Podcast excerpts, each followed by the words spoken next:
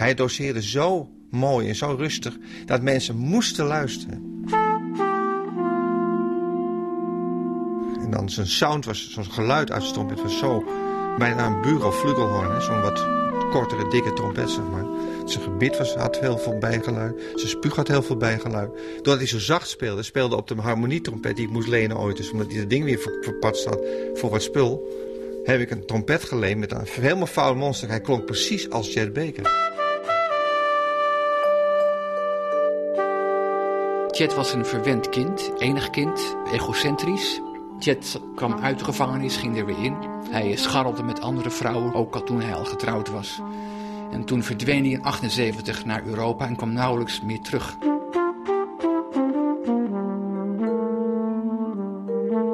Een ervaring die we in Enschede hadden, dat hij om uh, acht uur een concert echt in, uh, in de Schouwburg had.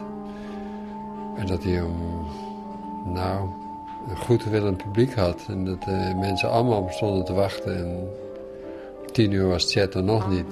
De zaal was nog steeds, mensen liepen nog steeds gezellig gewoon koffie te drinken, te wachten. De directeur van de Schouwburg me toe en zegt, Peter, als het om... Als dit om half elf niet is, dan moeten we het annuleren. Ik zei, nou, dat is prima. Dat kan ik ook niks tegen inbrengen. En, uh, dus ik stond nerveus buiten te wachten. En dan komt er een autootje met Chet en uh, Jacques Pelzer. Zijn vriend uit België. Die kwam straat in, vijf minuten voor half elf. Ik zeg, Chet, je had om acht uur moeten zijn. Het is vijf half elf. Je hebt nog vijf minuten de tijd op het toneel. Of anders is het geannuleerd en we krijgen geen geld en niks. Chet die vliegt kleedkamer in, pakt zijn trompet, vliegt het podium op en begint te spelen. En het was niet te pruimen wat er uitkwam. Want zijn tanden zaten los, de lijm had hij vergeten. En, dus ik kon me wel alle hoeken en gaten verstoppen van het theater. Maar uiteindelijk was het allemaal voor elkaar. Hij heeft zijn tanden weer, zijn, kunstgebied weer vastgeplakt. Komt terug naar twee nummers. Speelt de sterren van de hemel tot één uur s'avonds. Daarna gaat hij dan naar een club. Hij speelt tot vier uur s morgens. De sterren van de hemel, dat was Chet. Ontelbare keren heb ik hem gezien. Voorovergebogen op een stoel. De trompet op kniehoogte. De kelk bijna tegen de microfoon. Hij had een omvloerst, mellow geluid. Dat niet uit een trompet, maar uit een bugel leek te komen. In zijn laatste jaren speelde hij met een inzet en overgave als geen ander. Hij keerde zijn hart binnenste buiten. Je werd er verlegen van. Chet Baker was misschien wel de meest wisselvallige artiest van de hele jazzgeschiedenis. Als hij in vorm was, overtrof hij bijna alle levende jazzmuzici. Maar als hij dat niet was, en dat kwam vaak voor, kon hij letterlijk geen noten meer spelen dan was hij, in elkaar gedoken als een klapstoel en wezenloos voor zich uitstarend, nog slechts een onnodige vrede parodie van zichzelf. Jeroen de Valk, herinnering aan een lyrisch trompetist. Dat zijn twee kanten hè, van een medaille. Ja, als persoon was hij in feite een, een egocentrisch mens, maar hij kon mensen enorm voor zich innemen. Als muzikant kon hij verschrikkelijk slecht spelen en ook geweldig goed. En waar kwam dit mens vandaan? Uit Amerika, maar heel veel in Europa en in Nederland uh, geweest. Hoe kwam die hier terecht? Ja, dat heeft ten dele iets te maken met de drugs die in Nederland beter verkrijgbaar waren dan in Amerika. Ik heb een tamelijk goed beeld wanneer Chet methadon gebruikte wanneer hij aan de heroïne was. En die methadonplaten, dan moet je denken aan uh, de opname in Japan, een jaar voordat hij overleed. Daar mocht je alleen methadon gebruiken. Nou, dan speelde hij als een duivel. Ik denk dat uh, alle begeleiders in Tokio toen, die cd heette Memories, dat waren Hein van der Geijn en John Engels waren erbij. Die, die kwamen toen echt, uh, werden gewoon een meter de, lucht in getild. En Hein van der Geijn, dat is een bassist, hè? Het is een uh, bassist die qua inzet en qua lyriek wel iets gemeen heeft met Chet Baker. Dat wisten we natuurlijk al maanden van tevoren. Zo op Middelheim Jazz Festival speel ik met Steve Hoop en een hele goede altist en een neef van Jacques Pelzer. En Jacques Pelzer was weer een goede vriend van Chet. Het was de apotheker uit België? De apotheker uit België, inderdaad. En uh, voor dat festival zou Chet komen. Ik was zo nerveus, ja. Baker. En wij, wij zaten in die kleedkamers te wachten, in die tenten, achter, achter dat podium. Geen chat, geen chat. En we moesten echt op. Het was misschien drie minuten voor opgaan en eh, geen chat. En op een gegeven moment komt er een oude BMW het, terrein oprijden. En er zijn wat mensen die hekken aan de kant zetten. En tot aan die tenten komt er zo'n oude BMW en komt chat daar zo uit. Zo. En ik was te bleu om zelfs naar hem toe te gaan. Dus een chat in de kleedkamer. En, uh, toen ben ik, ja, toen ben ik uiteindelijk even naar hem toe gegaan, mijn handje gegeven. Zat hij daar met. Ik was zo gechoqueerd. Om die man gewoon van dichtbij te zien. Ik bedoel, het is een held. Tegelijkertijd is het iemand die zo'n ongewone en sterke uitstraling had. Met, met zijn blote voeten in sandalen en heel vriendelijke ogen. En heel beangstigend uh, aanzicht. Ik bedoel, uh, zag toch uh, een junkie. En, en die tegelijkertijd een held is en, en, en, en een van de mooiste muzikanten die je kent. En toen dan de intro van Funny Valentine deed en hij begon dan... My Funny Valentine. My, dat zit met zo'n eerste noot. Ja. Sweet comic Valentine. Met één noot, met één sound. You make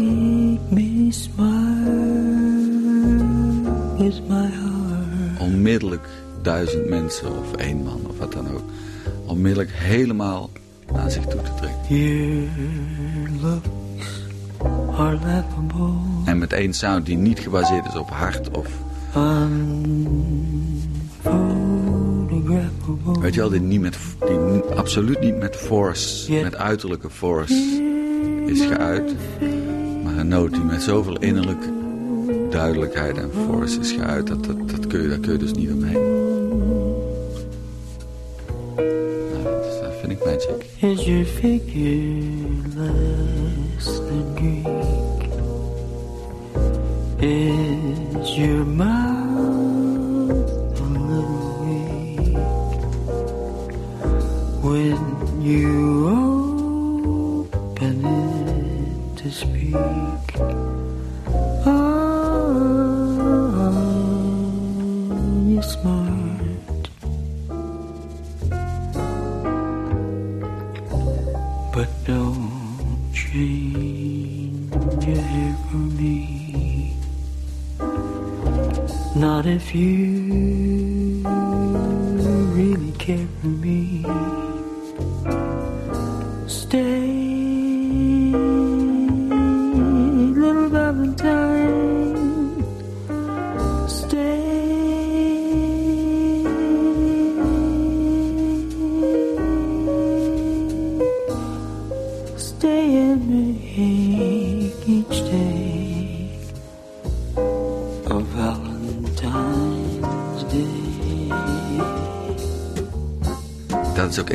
uitspraken die ik zo prachtig vond. Van, hij zei...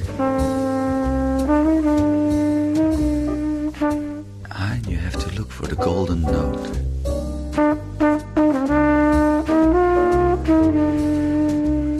Dat heb, dat heb ik zo in mijn hart meegedragen.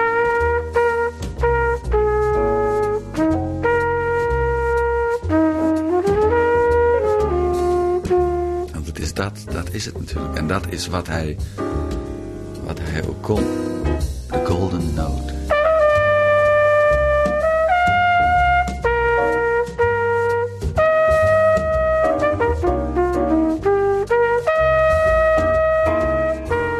Kijk, er is een stuk, er is een stuk talent.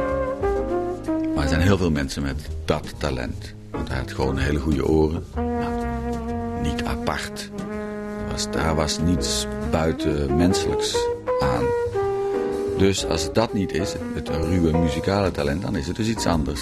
Dus dan is het iets buitenmuzikaals, dan is het iets met de personality.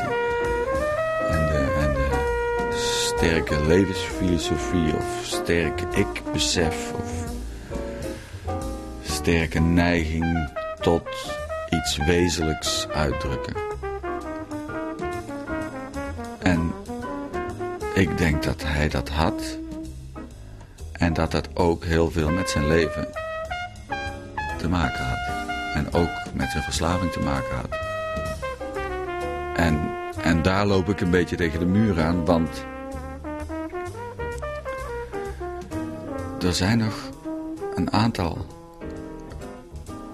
groten binnen die jazz die diezelfde soort verslaving hadden. Dan kun je zeggen, ja, is natuurlijk heel makkelijk om te zeggen, als ze niet verslaafd waren geweest, hadden ze nog veel beter gespeeld. Dat is een uitspraak. Maar je kunt ook zeggen, dat is natuurlijk niet zo katholiek om dat te zeggen, maar misschien hadden, speelden ze zo goed juist omdat ze die verslaving hadden. En dan wordt het natuurlijk een hele, dan wordt het een hele linker, linker conversatie die je dan krijgt.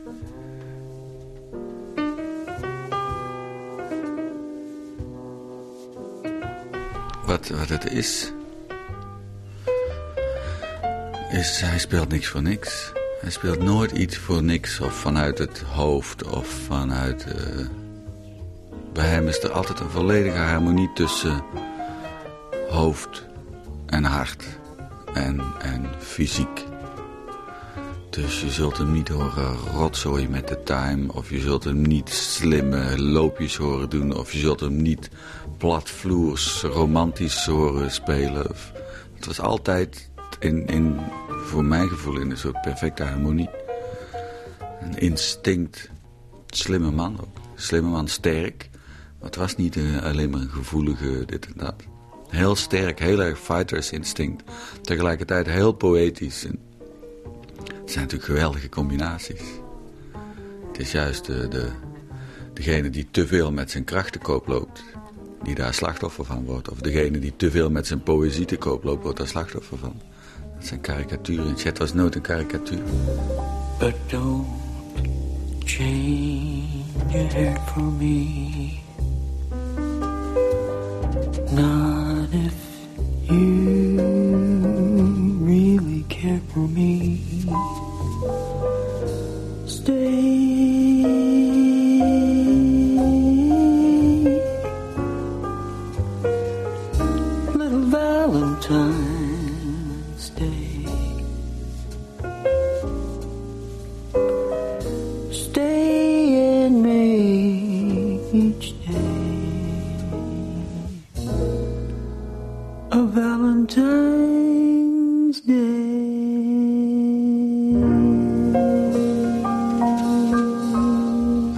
Dus afhankelijk zijn van heroïne. Maar tegelijkertijd kon hij dus functioneren. En kon hij mensen, was hij sterker als de mensen om zich heen? Keken mensen naar hem op? Zag je mensen tot tranen toe bewogen als je alleen maar door de zaal liep? Zag je, mensen, zag je, zag je volwassen mannen huilen als hij, als hij een ballad stond te spelen? Die kracht had hij. Dat was Chet.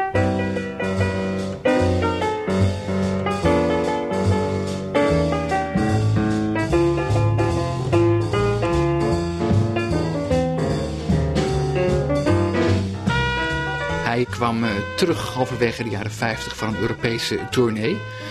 Was een beetje vergeten in Amerika toen hij terugkwam, want hij was uh, heel lang weggebleven. Meer dan een jaar geloof ik. En hij uh, zijn eerste huwelijk liep op de klippen. En toen was hij gaan gebruiken.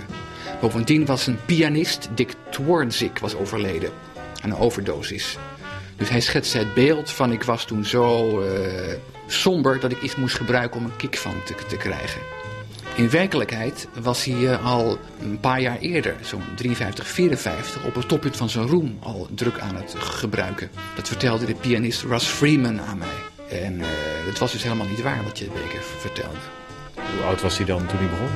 Toen was hij uh, 23, 24. Jij hebt hem een keer uh, geïnterviewd. Heb je daar toen over gesproken met hem, over het drugsgebruik? Sprak je daarover met Chad Baker? Waarom hij die drugs gebruikt? Hij wilde gewoon een kick en hij was ook eigenwijs. Hij ging dan naar ik, dat, die Japanse tournee waar we het over hadden, waarbij hij zo goed speelde. Dan uh, kwam hij terug en dan was hij dus een week of twee, drie aan de metadon geweest. Dus het moment om door te gaan met afkicken. Het eerste wat hij deed was naar de Zeedijk gaan en, en, en een shot halen. Toen hij uit de gevangenis kwam, begin jaren 60 uit Italië, was hij helemaal clean. Hij liet een fotoreportage maken van ik ben clean en ik ga nu leren componeren. Wat helemaal niet waar was, ik kon, ik nauwelijks een noot op papier schrijven. En toen het klaar was, ging hij gauw zijn eh, shot halen of zijn snuifje halen.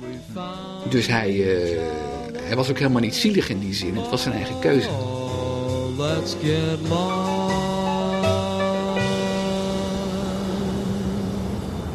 I think it might be an attempt to put your head in a different place. Oh, voor, voor mij is het een, een manier om je, om je gedachten op een, op een andere plek te krijgen. Zo, zodat je een hoop dingen kunt buitensluiten. In order to block out a lot of things. Uh, Misschien wel een manier om, om midden in de muziek te komen, zodat je in staat bent je te concentreren. A particular kind of insight into what you're trying to really get into.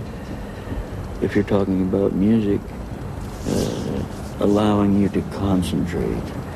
And, um, ik ontdekte dat ik sterk genoeg was om het te kunnen gebruiken. I found out that I was strong enough to do it, to get strong enough to get away with it without killing myself. Ik geloof niet dat ik mezelf al te veel pijn heb gedaan. I'm 58 years old, I'm still here, and uh, I'm still playing.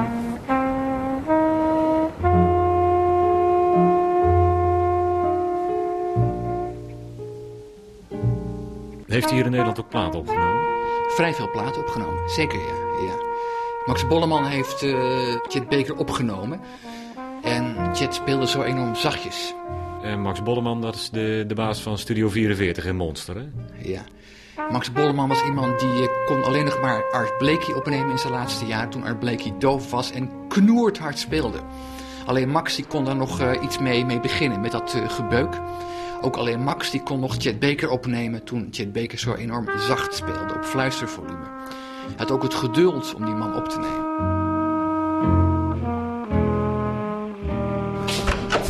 Kijk even de afstand. Zo. Is dat Chet Baker? Ja. Schitterende ja, foto. dat is een leuke foto. Is goed, ja.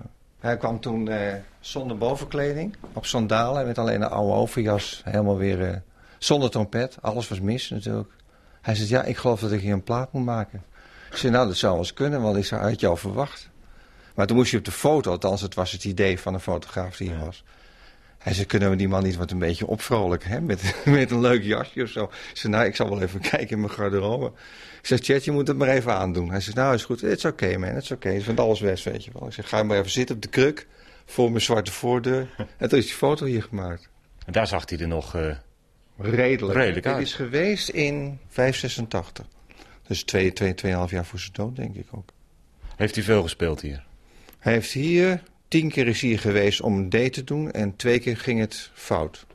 Om muzikale redenen, om, om hemzelf, dat hij gewoon niet in een bepaalde shape was. In een hoedanigheid, waar het, hij kon gewoon niet, niet spelen op dat moment. Dat gebeurde wel meer. Maar wat betekent dat? Niet in een bepaalde shape zijn? Nou ja, door zijn, zijn gebruik, weet je wel, van, uh, van heroïne. Want dat, dat gebruik, hij, hij zei al, ik gebruik dat niet, maar hij gebruikte wel degelijk altijd. En dat had hij eens te weinig, of het ging gewoon niet, of we konden gewoon niet spelen. Maar ik wist ook niet dat hij gebruikte eigenlijk. Het is mij tot de laatste jaren pas duidelijk geworden dat het zo was. Hij verborg het allemaal zo keurig. Hij deed dat niet in zijn armen, in zijn hals. Had hij sjaaltje altijd hier. Dus je zag nooit wat. En was ook was dat hij ineens weg was. Iedereen, waar is Jet nou? Dan ging het hele huis doorzoeken. Zat hij op mijn badkamer, was hij weer bezig met een ader te zoeken waar dat, die naald in kon. Met alle gevolgen van dien. Dus voor hem was het een, net een standaardpoets of zoiets. En weet je nog dat je hem voor het eerst zag, Chet Baker? Ja, toen was hij uh, stil en hij had een paar stukken opgenomen. En toen zat hij zo heel lang na te denken. Ieder nummer hoorde je niets meer. Muzikanten waren ook helemaal in chat, weet je wel. Een soort devotie bijna. Een beetje, beetje vreemd vond ik dat. En hij speelde ook een fout ergens. Ik hoorde dat hij een foute noot speelde. Absoluut, dat, was, dat, dat klopte gewoon niet in het thema. Dat was ook zo. En toen zei ik, dat had ik natuurlijk nooit moeten doen, maar goed, toen zei ik... Uh, Chet, I think you made a mistake somewhere there there. En toen, zei, toen werd het weer stil en ik denk, oh, dat is dus mis. En zei I know what I'm doing. I know what I'm doing. You don't have to tell me that. Zei hij echt een hele rustige manier, zei hij dat. Toen dacht ik, ik zal het nooit meer zeggen. Dat heb ik, en we hebben zo goed samengewerkt. En soms ging het dus niet, dus dan huilde hij alleen maar een hele avond. En ze gooide zijn trompet in de hoek en zo. Met diverse deuken erin en zo. Van alles hier meegemaakt. Dus huilen? Huilen, muzikant ook huilen. was een hele rare sfeer. Hij nam je helemaal mee in zijn wereld. Hij domineerde enorm. Het draaide allemaal om hem. Alles wat gebeurde draaide om hem.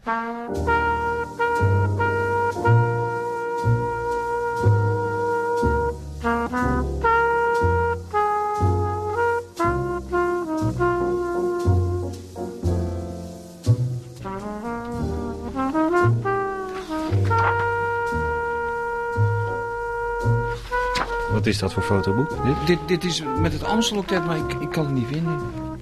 En jij speelde drums in het Amstel? Ja, met, met Amstel Octet, met Hij van der Geijn.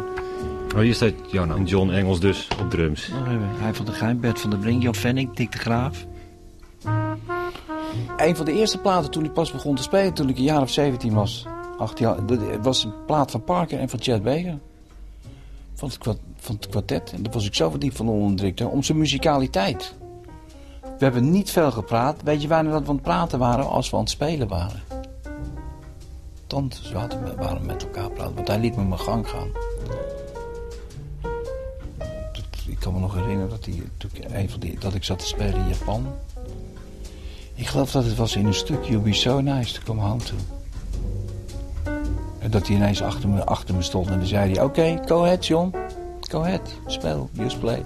Zulke soort dingen. Maar wat klinkt dat dan vanzelfsprekend, dat leven op dat podium? Ja, nee, dat is gewoon van nature. Het, is, het, is, het was allemaal zo natuurlijk. Maar wat gebeurde er dan met het leven buiten het podium? Ja, maar dat, ja, dat is zo moeilijk. Daar hoef je eigenlijk niet over te praten. Dat hoor je aan zijn spel. Daar vertelt hij je alles. En wat vertelt hij dan daarover, die verslaving? Daar hebben we het nooit over gehad. Dat zag ik niet. Ik zag zijn muziek en ik hoorde zijn muziek. Dat vond ik veel belangrijker. Maar die andere kant wilde je ook helemaal niet zien. Nee, tuurlijk niet. Is toch logisch? Dat, die, die, die wou ik niet zien. Volgens mij is hij er gewoon nog. Ja, dat is mijn opvatting erover. Ik droom af en toe over hem. Nou, dus het gaat er gewoon fantastisch goed met hem. Of ik speel met hem. Nou, dat is gewoon iets... eh, dat is het wonderbaarlijkste wat ik met Chat mee- meegemaakt heb. Dat magische wat er dan ineens gebeurde. Dat, dat je ineens ergens anders naartoe ging. Onder het spelen, joh. Dat was het mooiste wat er is. Ik, dat je van deze aarde verdween. Ik zie het zo, dat dit met, een- heleboel mensen dat gebeurt. Ik zie het gewoon, deze mensen zijn naar de aarde gestuurd. Op een of andere manier. Om gewoon dit de muziek. Die ons iets proberen een verhaal te vertellen. En als het dan klikt, als je aan het spelen bent. Sorry, ik spring van de hak op de tak hoor. Als dat, dat is het mooiste, het gevoel. Dat is het mooiste wat er is eigenlijk. Als dat gebeurt op het moment. De, de, de magic, alles wat er gebeurt. Je wordt ineens ergens anders naartoe Je komt ergens, ik zeg het altijd zo. Ja, ze hebben ons even naar boven genomen. Ze hebben even de sluier gelicht. En dan heb je dat mogen meemaken. Die muziek, hoe mooi dat het is, hoe je daarin oplost met elkaar. En dan word je weer naar beneden geschopt, dan doen ze de sluier weer dicht. En dan moet je het flow maar weer mee doen. Nou, ik moet hier nog heel lang mee doen hoor, met chat. It's uh, so simple.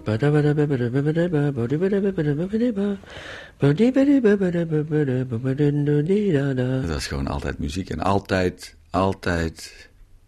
Ook nooit even van, oh ja, dit is het liedje. Ja. Nooit dat. Gewoon altijd, als je het doet, als je speelt, dan speel je. Met alles wat daarbij hoort. Zoals de wijze man dat doet. Ik bedoel, een man van 60 gaat ook niet... eh, een wijze man van 60 gaat ook niet van... eh, nee, wel overwogen. Gewoon, dit is wat ik denk of wat ik niet denk. Of dit is waar ik aan twijfel. En zo speelde hij wel overwogen. Altijd wel overwogen. It's true, I don't jump around on the stage and dance around and joke around. Uh, Het is waar, ik, ik spring niet over het podium.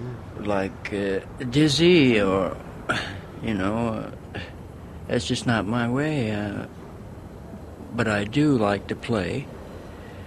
And uh, Misschien ziet het er te makkelijk uit. Misschien moet ik meer gezichten trekken. I don't know, you know. I like to play and um, En ik zou niet weten waarom mensen denken dat ik ongelukkig zou zijn. I'm doing what I like to do. And uh, I always have. Nou, hij speelde sowieso heel weinig buiten het podium. Misschien dat je op zijn kamer wel eens speelde, maar... Maar als hij dan in de kleedkamer of zo... eh, dan deed hij nog wel eens iets. En dan, dan speelde hij gewoon... Misschien, misschien zelfs wel een ladder, een toonladder. Alhoewel, het kan best dat hij dan...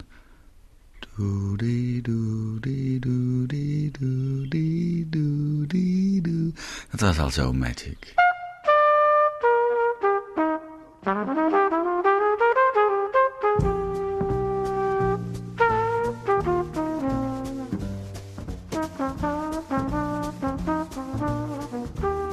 Ik was natuurlijk misschien een beetje de idealist die nog de hoop had dat je zo iemand kon helpen, maar dat kan toch niet die hoofden sprak je dan wel van Chet. Uh, naar Japan, toen uh, drie weken lang op metadon goed was gegaan. Chet, dat kan toch ook? En, ja, dan vertelde hij toch dat hij daar zich toch rot had gevoeld, terwijl hij het idee had dat hij daar eigenlijk opbloeide kan dan ook, is dat als, als niet-drugsgebruiker is dat heel moeilijk om iedereen in te nemen.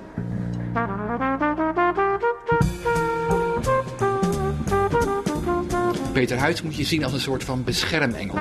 Ik denk dat weinig mensen zo dicht bij Chet stonden als Peter Huyt. Hij heeft er echt voor gezorgd dat uh, Chet bij een hele hoop optredens kwam opdagen. En van tevoren een pizza gegeten had. Dat zijn trompet toch een beetje schoon was, dergelijke dingen. Ik weet ook dat uh, voordat Chet Baker met Wim Wicht en Peter Huyts in zee ging, was het uitvalpercentage, dat was een impresario-factaal van Wim Wicht, dus het niet komen, was 50 eh, procent. Dat heb ik zelf ervaren, want toen ik in de jaren 70 naar Chet ging, kwam hij gewoon de helft van de keren niet. En toen uh, zijn Wim Wicht en Peter Huyt zijn hem nogal streng gaan behandelen, van je moet op tijd komen. Je bent wel een levende legende, maar als je een concert hebt moet je gewoon komen. En het heeft wel geholpen. Ja, die zijn toch een beetje orde op zaken gaan stellen, is mijn idee. We kwamen uit uh, Aix-en-Provence, wat al tamelijk moeilijk was geweest de dag ervoor. En de volgende was een concert in Nice, waar we ook heel, uh, uiteindelijk met heel veel vijven en zessen zijn aangekomen. Ik zou het niet meer na kunnen vertellen, maar met plaatselijke busmaatschappijen in plaats van vliegtuigen. Maar we zijn er gekomen. En uh, nou, Chet was behoorlijk, uh, ja, stoned wil ik niet zeggen, maar was down. Het ging eigenlijk niet goed met hem. Met veel problemen toch uh, op het podium gekregen. En meestal was het dan gebruikt dat ik even naar Nederland naar kantoor belde van jongens, het is weer gelukt. Daar staat er weer en het ziet eruit dat het wel gaat. Ook die avond, ik sta aan de telefoon en ik hoor een ontzettend gerommel. En eh, ik denk, het gaat fout. Dus ik zeg, jongens, ik gooi het erop, ik ben straks wel terug.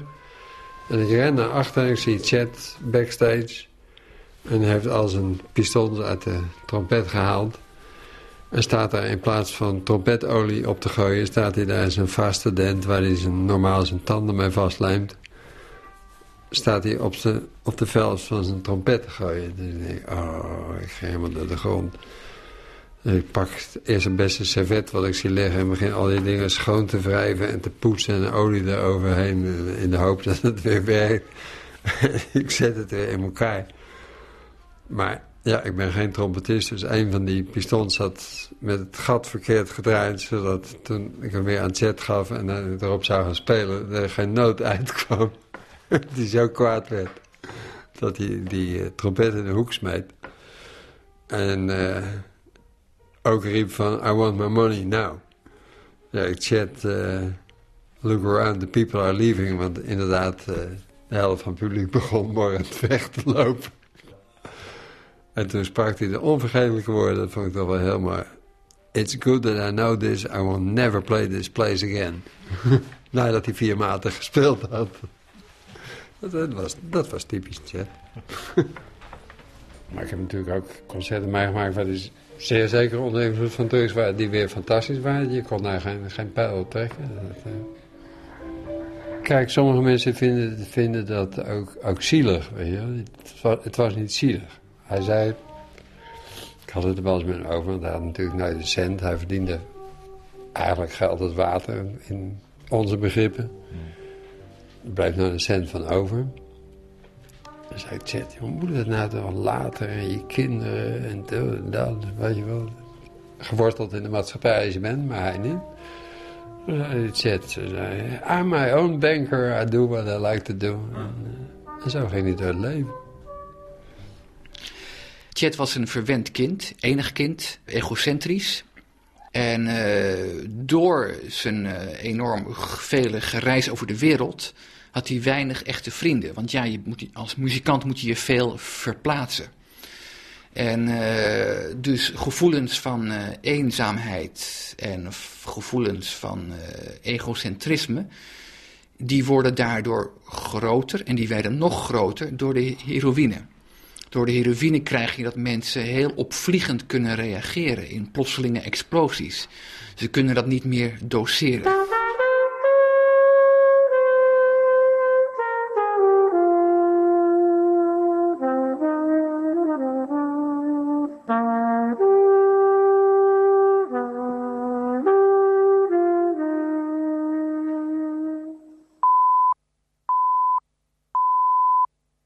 Twee uur, Radio Nieuwsdienst verzorgd door het ANP. Vannacht is de Amerikaanse jazztrompetist Chet Baker dood aangetroffen voor zijn hotel in Amsterdam. Baker zou gisteravond te gast zijn in het jazzprogramma Session, maar was op de afgesproken tijd onvindbaar. Een speurtocht naar de trompetist leverde niets op. Vannacht rond twee uur vond een voorbijganger het lichaam van een man die uit het raam van het Prins Hendrik Hotel in Amsterdam was gevallen of gesprongen. Toen de politie ter plekke kwam was de man reeds overleden. De leider van het onderzoeksteam in deze zaak, brigadier-rechercheur Bloos, verklaarde dat pas later bekend werd dat het hier om Chet Baker ging. Chet Baker is 58 jaar geworden. Nou, je ziet dus uh, bij die uh, parkeerhaven, daar stonden dus uh, stenen palen op het trottoir. En hierboven heb je een tweede verdieping, een raam. En daarvanuit is hij naar beneden gevallen. En de deur waar dus nu entrance next act door, dat is dus de deur waar ze dus op hebben staan bonken. En daar lag hij dus ook bij. Dus dit kleine, smalle hotelletje? Het kleine, ja, het, is, het zijn vier verschillende panden. Ah. Maar het, het, is het pand waar we nu voor staan, dat is een deel daarvan. En daar is hij dus uit het raam van de tweede verdieping naar beneden gegaan. Je ziet ook dat er nu stijlen voor de ramen zitten aan de binnenkant. ter beveiliging. Ja, zullen we eens binnen gaan kijken? Ja, dat is prima.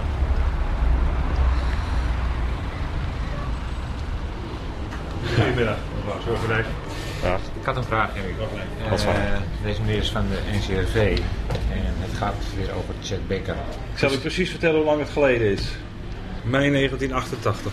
Ja, dat is heel mooi. Ja, er is wel wat veranderd hier. De hele kamer is niet meer, uh, is niet meer eigenlijk. Is helemaal niet meer. Ze hebben dat hele stuk verbouwd. Aha. De ramen die er dus nu in zitten, dat zijn die nieuwe klapramen. Die zaten er toen niet in. Toen hadden we nog van die schuiframen, die houten.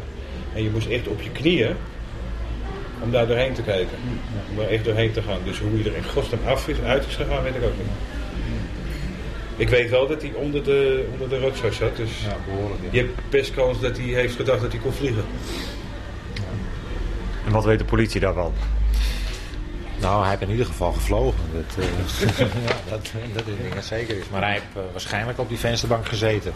Kijk, als je denkt dat je kan vliegen, dan land je meestal niet op je hoofd. Het zou best kunnen zijn dat hij ook gevallen is. Ik heb inmiddels horen vertellen dat hij uh, gewoon was, als hij gebruikt had, om in uh, de raam uh, te gaan zitten van een hotel. En soms ging hij ook nog eens trompet zitten spelen. Dus dat was een beetje zijn gebruikelijke gang van zaken. Maar zijn trompet lag in de koffer. Dus wat er precies gebeurde is, dat is dus niet te achterhalen. En wat lag er nog meer op die kamer? gebruiksspul van uh, diverse soorten uh, verdovende middelen. En, Heroïne, cocaïne. Ja, een stuk glas. Hij maakt ook altijd van die mengsels. We hebben ook nog een glas aangetroffen, er zat uh, allemaal gedroogd bruine substantie in en zo. En er is allemaal nagekeken, het is allemaal heroïne, cocaïne geweest. En hij mengde dat samen met drank en dan, dan ging het wel goed. En dan gaan er ook nog hele wilde geruchten dat hij geduwd zou zijn. Ja, dat, uh, maar ik vind het knap als iemand hem geduwd heeft. Zo. En de kamer was afgesloten in de binnenkant. Dus dan moet je al uh, behoorlijk uh, wat anders gedaan hebben. Wil je iemand kunnen duwen. Dus dat strepen we weg? Dat kunnen we rustig wegstrepen. En gesprongen of gevallen? Dat, er is er maar één die dat weet. Dat is hij zelf. Dat is uit de sporen in ieder geval niet duidelijk. En getuigen zijn er ook niet. En de raampen die lag op straat naast hem. Zullen we nog even naar buiten lopen? Gaan we weer naar buiten. Ja. U wist niet gelijk dat het Chet Baker was? Nee. Nee, dat was in het begin uh, heel onduidelijk. Uh, in eerste instantie zijn de collega's die daar s'nachts te plaatsen geweest zijn. Die hebben dus uh, de leeftijd, voor zover ze dat konden, omdat hij gewond was aan zijn hoofd, hebben ze geschat op een jaar of dertig.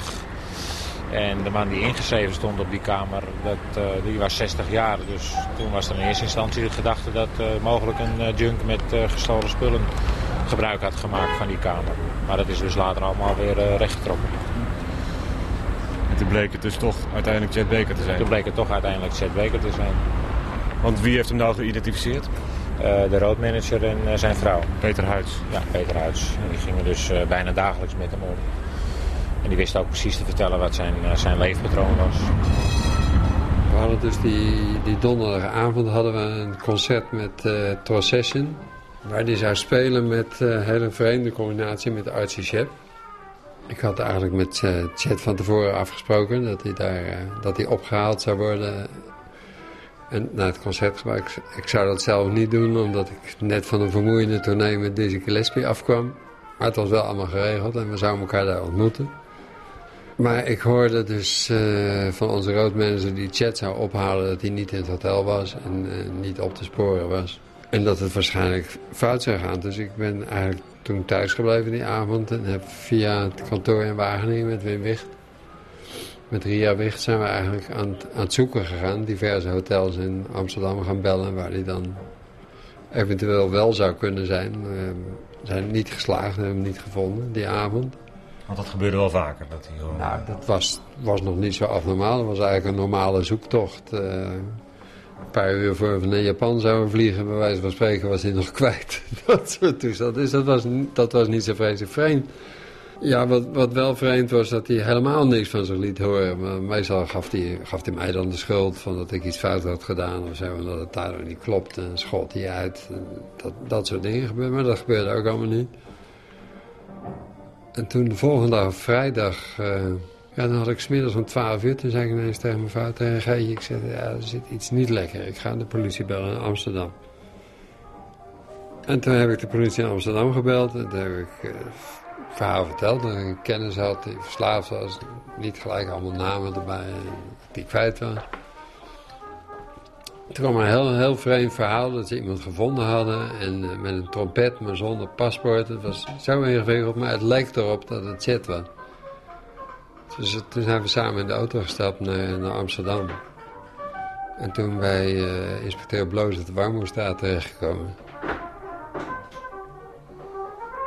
En... Uh, shit.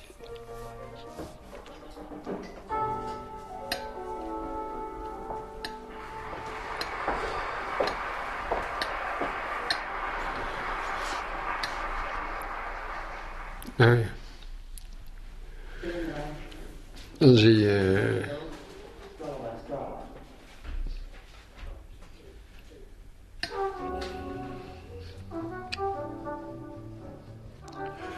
Dan zie je de trompetkoffer staan in het brilletje. Dan denk je, ja... Dan weet je vanaf dat moment eigenlijk dat het fout is. En dan... Uh, ja, dan wordt hij... Uh, ding, als het maar niet de ontluistering is, dat hij dat hij als, als een tijger heeft. Dat was gelukkig niet zo. Ja, dan... Uh, dat was dat eigenlijk, dan is het gebeurd. Nou, dan blijf je jarenlang met de herinnering van... Uh, ja, had ik toen misschien toch eerder moeten gaan... Uh, als ik niet moe van die toneel moeten zijn. Dat ga je later wel realiseren dat het toch niks geholpen had. Eens was het gebeurd natuurlijk. Eens was er ergens anders wel een ramen geweest. Maar ja, het viel.